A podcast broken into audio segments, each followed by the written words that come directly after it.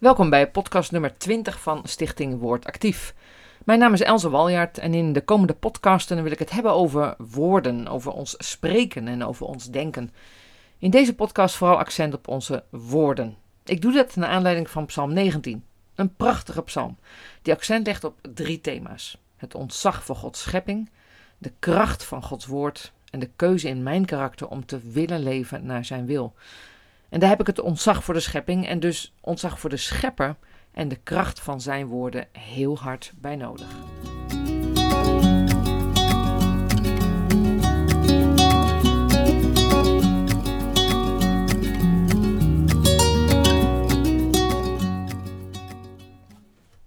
Psalm 19 is een prachtige psalm en de vertaling uit het boek maakt het tot een soort uh, gedicht, poëzie. Vooral de eerste 15 versen.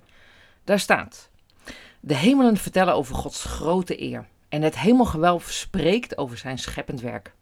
De ene dag vertelt het aan de volgende dag en de ene nacht aan de volgende nacht. Het is duidelijk dat het geen echte woorden zijn, het is immers niet te horen. Toch hoort man, men die boodschap over de hele wereld. Overal waar mensen wonen, heeft het nieuws hen bereikt.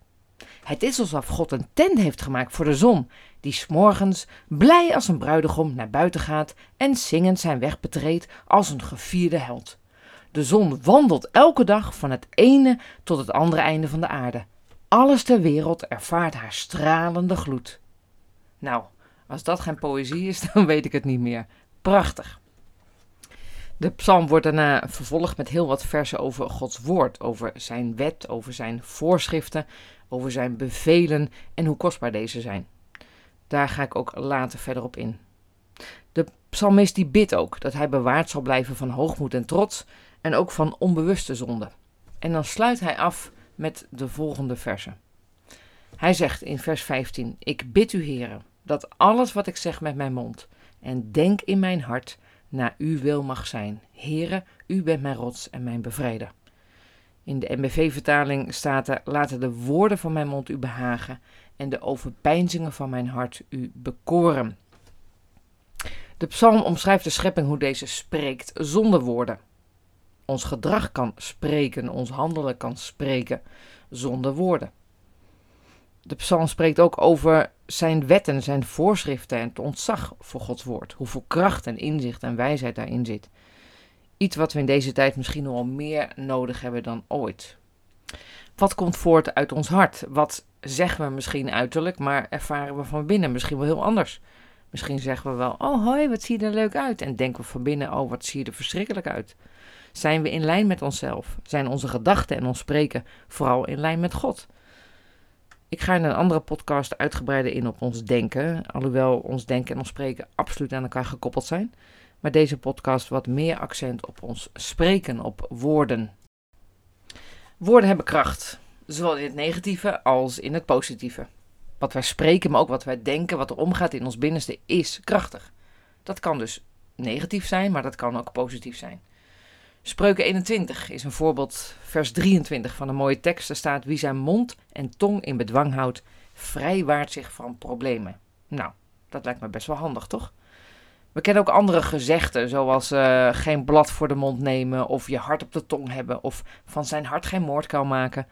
Dat is eigenlijk zeggen wat er in je opkomt. Een flap uit zijn, lekker spontaan zijn. Daar hoeft niks mis mee te zijn. Integendeel, het kan soms ook heel verfrissend zijn. Iemand die niet alles perfect overdenkt, maar ook lekker spontaan iets roept, kan juist het ijs breken of ontspanning en ruimte geven. In het Bijbelboek Jacobus, hoofdstuk 3, gaat het ook helemaal over de tong. En dan staat er in vers 2: Als iemand in staat is zijn tong in bedwang te houden, bewijst hij daarmee dat hij zichzelf in alle opzichten goed in de hand heeft. Hoe praten wij? Gebruiken we grove woorden, roddelen we, schelden we? Of gebruiken we ons spreken om te moedigen, om op te bouwen? Als het gaat om taalgebruik, om communiceren, woorden gebruiken, dan doen we dat op verschillende manieren. We kunnen iets in een tweegesprek gewoon zeggen, dat is de meest basale, maar we gebruiken ook schrijftaal. We gebruiken foto's en video's om iets te zeggen. We gebruiken muziek, kunst, non-verbale gebaren. En wat vandaag een hele grote invloed is als het gaat om communicatie, is het social media. YouTube, influencers, vloggers, Instagram, TikTok challenges, Facebook, Twitter, noem maar op. En daar wordt soms kei en keihard gesproken. Van tieners hoor ik wel eens dat doodsbedreigingen best vaak voorkomen. En pestgedrag is ook enorm grootschalig aanwezig. Maar ook onder volwassenen is de wijze van communiceren soms schokkend. Grof, veroordelend hard, haatdragend, bedreigend, elkaar uitschelden voor van alles en nog wat. En op social media lijken dan de sociaal vaardige normen ver weg. Ook christenen doen die soms net zo hard aan mee. En dan komt deze Bijbeltekst. Ik bid u, heren, dat alles wat ik zeg met mijn mond en denk in mijn hart naar uw wil mag zijn, heren.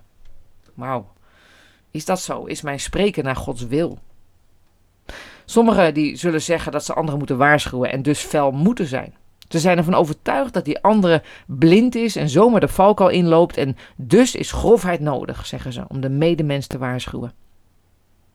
Jezus gebruikt ook scheldwoorden. Hij noemt de fariseërs wit gepleisterde grafstenen. In Matthäus 23 staat dat. In datzelfde hoofdstuk staat, noemt hij ze ook adderengebroed en huigelaars. Eigenlijk woorden die omschreven hoe het met hun innerlijk gesteld was. Dit was vooral tegen de groep religieuzen die de regels van de wet belangrijker vonden dan het hart en de genade. Belangrijker dan oprechtheid, belangrijker dan karakter. En Jezus wil de mens leren dat het door zijn komst anders wordt. De wet en de profeten zullen niet weggegooid worden. De woorden van het Oude Testament kloppen nog steeds. Geen enkele letter zal weggedaan worden, zegt Jezus. De woorden hebben nog steeds waarheid, maar ze zijn samen te vatten in het eerste en tweede gebod. Heb God lief boven alles en je naaste als jezelf.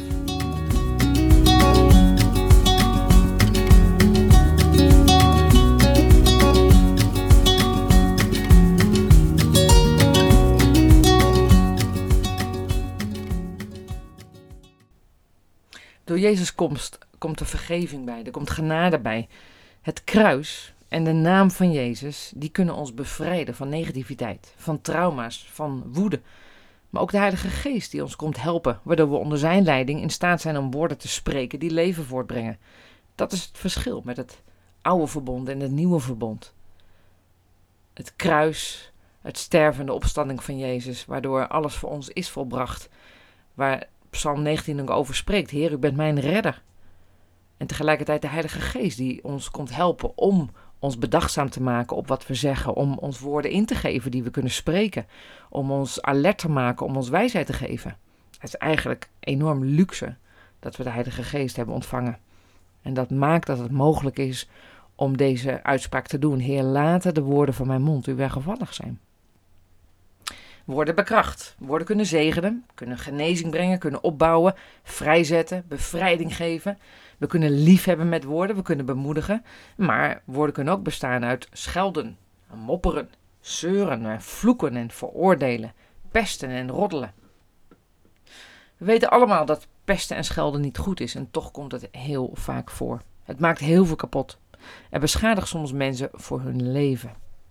Woorden en ook daden die tegen een ander zijn. Soms zomaar, omdat je er anders uitziet of anders praat of dat je anders gekleed bent of omdat je niet meedoet met de grote groep. Ik heb heel veel les gegeven aan tieners en jongvolwassenen en ik heb ook interviews met ze gedaan. En dan vroeg ik, waarom scheld je eigenlijk? En dan kreeg ik het volgende als antwoord. Het is stoer, het lucht op, je wilt iemand kwaad doen, het is een gewoonte en je doet gewoon mee. Het feit is dat het pijn doet en beschadigt en zelfs je hersenen beïnvloedt en kan beschadigen.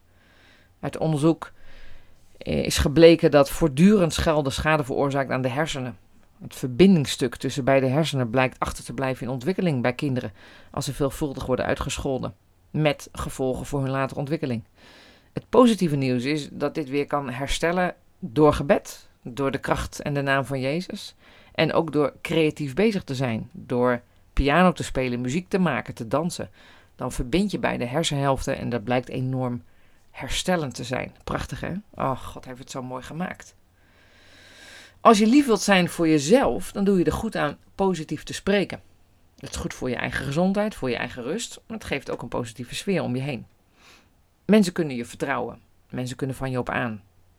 Schelden daarentegen, dat vernietigt. Het bouwt af en het maakt kapot. Ik wil deze podcast eigenlijk afsluiten met een mooie Bijbeltekst. En vooral de vraag om eens bij jezelf na te gaan hoe je spreekt. Soms is het bewust worden van je spreken al een begin om daar veranderingen aan te brengen. De tekst zegt namelijk ook in Psalm 19: Heer, mogen de woorden van mijn mond u welgevallig zijn. Het gaat uit van een verlangen. Heer, ik, ik wil graag in uw wil zijn. En ik wil heel graag dat mijn woorden en wat ik denk in uw wil is. Niet een moeten, niet ik mag niks, ik moet nu heel braaf gaan praten. Nee, Heer, ik wil heel graag doen wat u zegt. En daar komt dan bij dat het gewoon enorm gezond is voor jezelf en voor de ander. God heeft ons een tong gegeven om een leven te spreken. Laten we ons bewust gaan worden, of misschien zijn we dat al, van wat we spreken. Ook naar onszelf. Schrijf eens op een journaling of in een journaling wat je opvalt aan je eigen woorden. Woorden naar jezelf en woorden naar anderen. Begin daar eens mee. Mijn valkuil is, wat mij tenminste is opgevallen toen ik eens ging opletten, is dat ik vooral in de auto nog wel eens negatief kan zijn. Als andere mensen brutaal rijden, mij afsnijden, bumper kleven, dan, nou, ik schel ze niet uit, maar ik ben wel cynisch.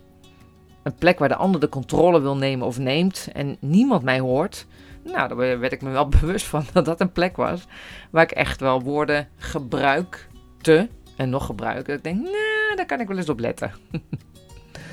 Goed, we sluiten dit, deze podcast af met het volgende Bijbelvers. Spreuken 16, vers 24. Daar staat: Vriendelijke uitspraken zijn als een honingraad, zoet voor de ziel en medicijn voor het lichaam. Een vers vers, een gezond vers.